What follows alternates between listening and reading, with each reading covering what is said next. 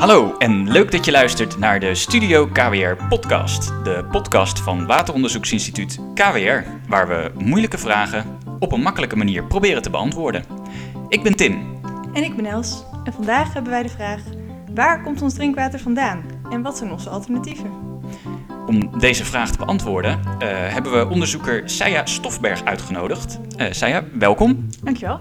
Uh, nou ja, ten eerste natuurlijk de vraag: wat is eigenlijk je functie hier bij KWR? Ik werk hier als onderzoeker bij het team Geohydrologie. Mhm. dat betekent dat ik onderzoek doe naar allerlei onderwerpen die te maken hebben met grondwater. denk bijvoorbeeld aan verzilting of het bergen van water in de ondergrond.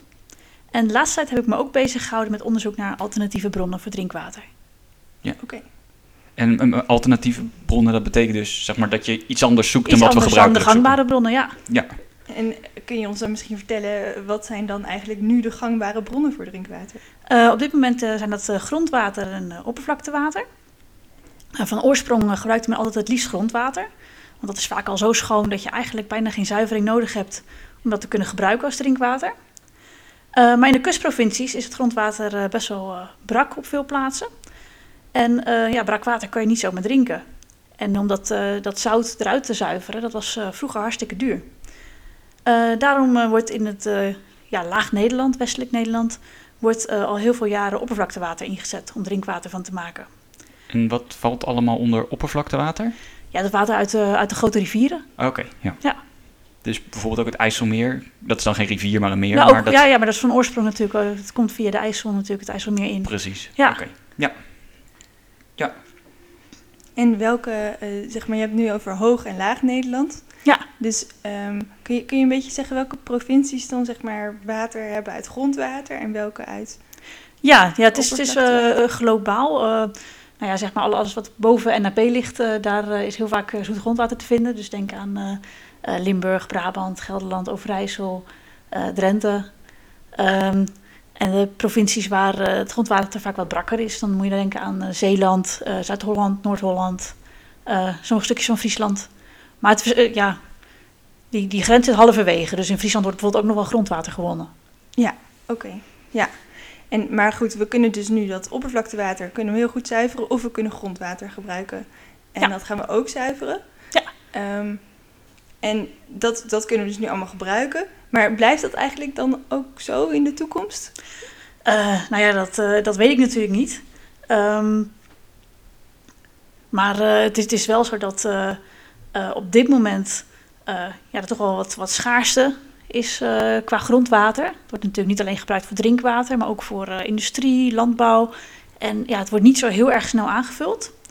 Um, dus ja, op dat gebied zou je kunnen zeggen, nou dan misschien ook verstandig om uh, uh, ja, dat je op langere termijn uh, ogen dat je kan kijken naar, naar, alternatieven. Want op korte termijn hebben we geen problemen. Nee, op korte termijn is, is er voldoende. En als je kijkt ook hoeveel er aan drinkwater wordt, wordt opgepompt in vergelijking met andere dingen, dan, dan valt dat allemaal hartstikke mee. Ja. maar je kan op lokaal niveau kan je natuurlijk wel eens hebben dat door heel veel grondwater op één plek op te pompen, dat dan toch wat zouter grondwater van diepere lagen dat het naar boven komt. Ja, ja, precies. Ja, dit doet me een beetje denken aan een eerder gesprek wat wij hadden, Tim.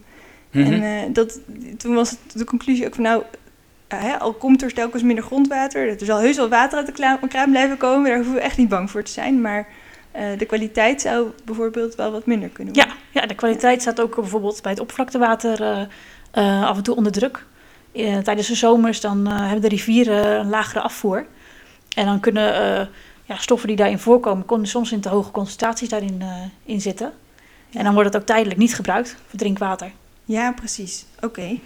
En ja. Wat, als we dus onze standaardbronnen niet meer kunnen gebruiken, wat, aan wat voor een alternatieve bronnen zou ik dan moeten denken? Wat, wat kunnen we gebruiken? Um, nou ja, van alles eigenlijk. Um, ja, je wil, je wil natuurlijk dat, uh, dat er ergens voldoende water beschikbaar is. Het liefst natuurlijk ook van een uh, dusdanige kwaliteit dat je daar uh, dat wij maar weinig aan hoeft te zuiveren. Dat je daar heel makkelijk drinkwater van kan maken. Ja, daarnaast spelen natuurlijk ook andere overwegingen mee. bijvoorbeeld, ja, wat is de impact op de omgeving als je een bepaalde bron gebruikt? Of waar, ligt, waar, waar vind je dat water? maar in theorie kan je eigenlijk van alles gebruiken. Van, van zeewater tot restwater en nou ja, een ijsberg, noem het maar zo gek. ja, ja. ja. Ja, zolang je het kan zuiveren, zou je het als drinkwater kunnen gebruiken. Ja, ja eigenlijk wel. Wil niet zeggen dat alle bronnen natuurlijk even handig zijn om te gebruiken. Nee, precies. Oké. Nee, precies. Kun je daar een idee van geven? Zeg maar, wat, wat voor soort bronnen worden nu gezien als goede, mogelijke toekomstige alternatieven voor de bronnen die we nu Eh, gebruiken? ja, nou, ik, ik wil dan wel een onderscheid maken tussen eh, korte termijn en, en lange termijn. ja. Eh, op korte termijn ehm, dan eh, zou je bijvoorbeeld eerder kunnen kijken naar eh, het brakke grondwater. Wat we in, eh, in het westelijk Nederland eh, in de grond vinden. ja, precies. Wat we vroeger dus niet wilden gebruiken, Ja. maar dan nu misschien wel. Ja, tegenwoordig eh, eh, kun je dat, eh, ehm, dat, dat zuiveren. Dat, dat kost veel minder geld dan nou, zeg 20 jaar geleden. En dat kan heel goed gezuiverd worden tot heel zuiver water. Dus dat zou in principe een goede bron kunnen zijn. Maar ik denk dat op ja, echt wat langere termijn dat mensen ook wel meer naar kringlopen gaan kijken. En wat, wat is lange termijn nu even voor ons idee? Ja, dat durf ik niet te durf zeggen. je niet te nee, zeggen, Op, op maar- sommige plekken gebeurt het al. Denk aan plekken waar heel weinig water beschikbaar is, in, in hele droge gebieden of eh, hele dichtbevolkte gebieden, zoals eh, Singapore. Eh, daar eh, zie je al dat eh, het water wat eh, nou, eigenlijk naar de rioolwaterzuiveringsinstallatie gaat, dat dat eh, ge- verder gezuiverd wordt totdat het helemaal zo schoon is als drinkwater. En dat het dan eigenlijk weer gewoon het Dus, dus waterleiding dan gaat opgaat. het eerst door de rioolwaterzuivering. En daarna komen er nog meer zuiveringsstappen overheen. Ja. Om het als drinkwater te Ja, kunnen gebruiken. ja. Oké. En dat, dat zie ik in Nederland nog niet zo snel gebeuren. Maar het is natuurlijk een mogelijkheid dat dat eh, in de verre toekomst wel gebeurt. Ja. Ja. ja, het klinkt natuurlijk wel raar dat je je eigen afvalwater weer gaat drinken. Tegelijkertijd klinkt het ook heel logisch. Zo van ja, we hebben dat toch al een keer gefilterd. Als we dat nog een keer filteren, kunnen we dat ook nog een keer gebruiken. Ja, ja, in principe is er dan niks anders meer aan dan aan gewoon drinkwater. Nee, Je zou het niet kunnen onderscheiden. nee, En in, ja, in de waterwereld gaat alles eigenlijk via een kringloop. Ja. Maar ja, soms duurt die eh, duizenden jaren en eh, soms wat korter. Dit zou een hele korte zijn. Ja, Ja. Maar dit, dit soort principes worden dus al ingezet. Maar in Nederland is het echt meer iets voor de, voor de verre toekomst. Ja, dat is nog niet aan de orde. Uit, eh, Nee. uit. Nee, op dit moment zijn grondwater en, en oppervlaktewater nog prima bronnen. En op het moment dat er naar ant- alternatief wordt gekeken, dan, dan moet je eerder denken aan brakwater. Ja, grondwater. ja, Ja. precies. Oké. En zijn er nog meer... eh, eh, nee, je vertelt dat je een onderzoek doet naar alternatieve bronnen. Zijn er nog meer exotische voorbeelden van dingen waar we water uit zouden kunnen halen? Ja, nou ja, er zijn, zijn, zijn talloze exotische voorbeelden. Ehm, nou ja, soms, soms lees je wel eens wat, bijvoorbeeld die, die ijsberg die ik net noemde, die Mhm. eh, was niet uit de lucht komen vallen. Heb ik een keer, eh in was een krantenartikel van een bedrijf die dat wilde gaan doen, daar eh, flessenwater van maken bijvoorbeeld. Oh ja. Ja, of dat verstandig is, dat laat ik in het midden. Maar nou, je kan ook denken aan bijvoorbeeld water uit de lucht. Mhm. lucht de, de lucht bevat ook heel veel vocht.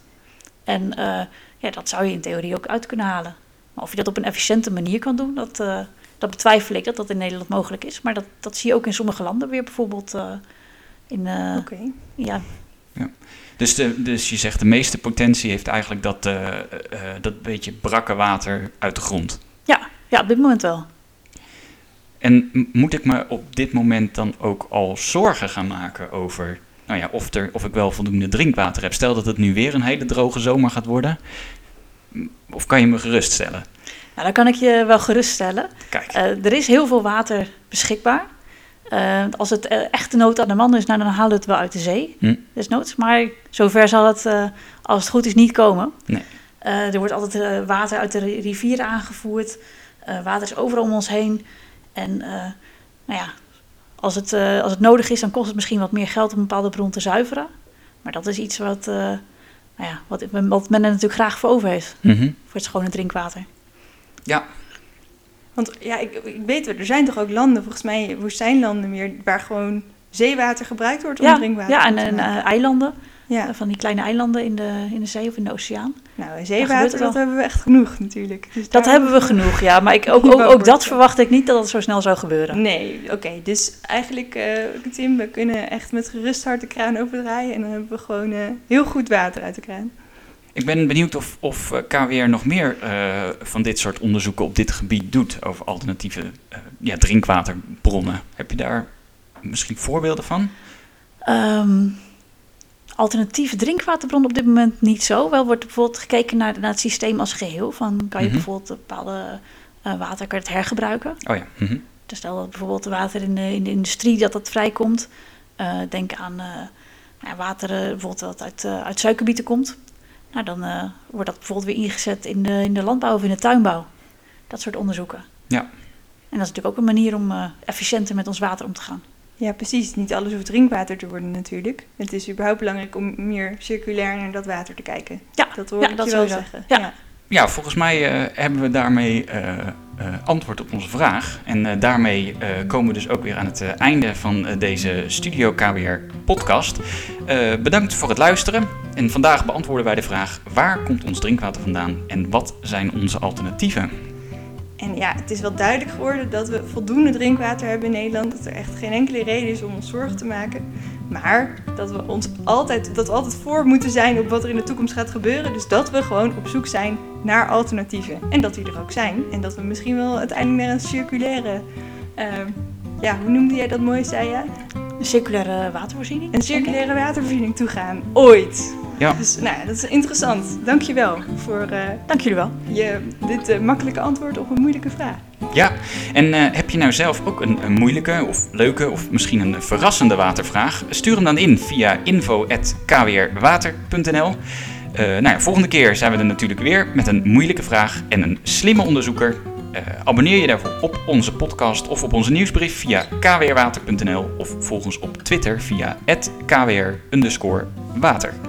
Graag tot de volgende keer. Tot de volgende keer.